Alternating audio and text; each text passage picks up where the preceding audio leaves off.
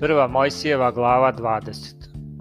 A Avram otide odande na jug i stani se između Kadisa i Sura i živeše kao došljak u Geraru. I govoraše za ženu svoju Saru. Sestra mi je, a car Gerarski Avimeleh posla te uze Saru. Ali dođe Bog Avimelehu noću u snu i reče mu, gle, poginućeš sa žene koju si uzeo, jer ima muža. A Avimeleh ne beše se nje dotakao i zato reče, Gospode, e da li ćeš i pravedan narod pogubiti?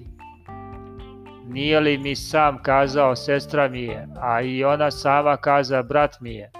Učinio sam u čistoti srca svog i u pravdi ruku svojih. Tada mu reče Bog u snu, Znam da si učinio u čistoti srca svog, zato te sačuvah da mi ne sagrešiš i ne dadoh da je se dotakneš. A sada vrati čoveku ženu njegovu, jer je prorok i molit će se za te te ćeš ostati živ. Ako li ne vratiš, znaj da ćeš umreti ti i svi tvoji.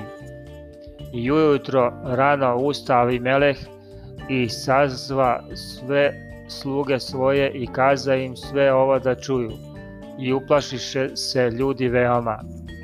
Tada Avimeleh dozva Avrama i reče mu, šta si nam učinio, šta li sam ti zgrešio, te navuče name i na carstvo moje toliko zlo.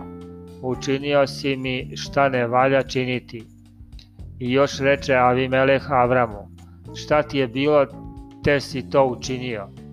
A Avram odgovori, govorih jamačno, nema straha Božijeg u ovom mestu, pa će me ubiti radi žene moje.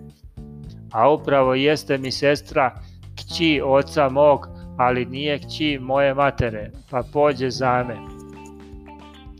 A kad me Bog izvede iz doma oca mog, ja joj rekoh, učini dobro i kaži za me gde god dođemo, brat mi je.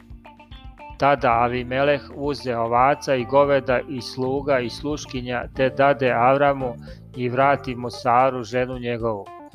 I reče Avimeleh Avramu, evo, zemlja ti je moja otvorena, živi slobodno gde ti je volja.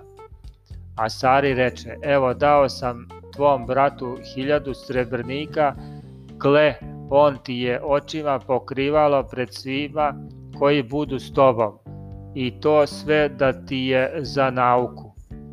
I Avram se pomoli Bogu i isceli Bog Avrama, Avimeleha i ženu njegovu i sluškinje njegove te rađahu.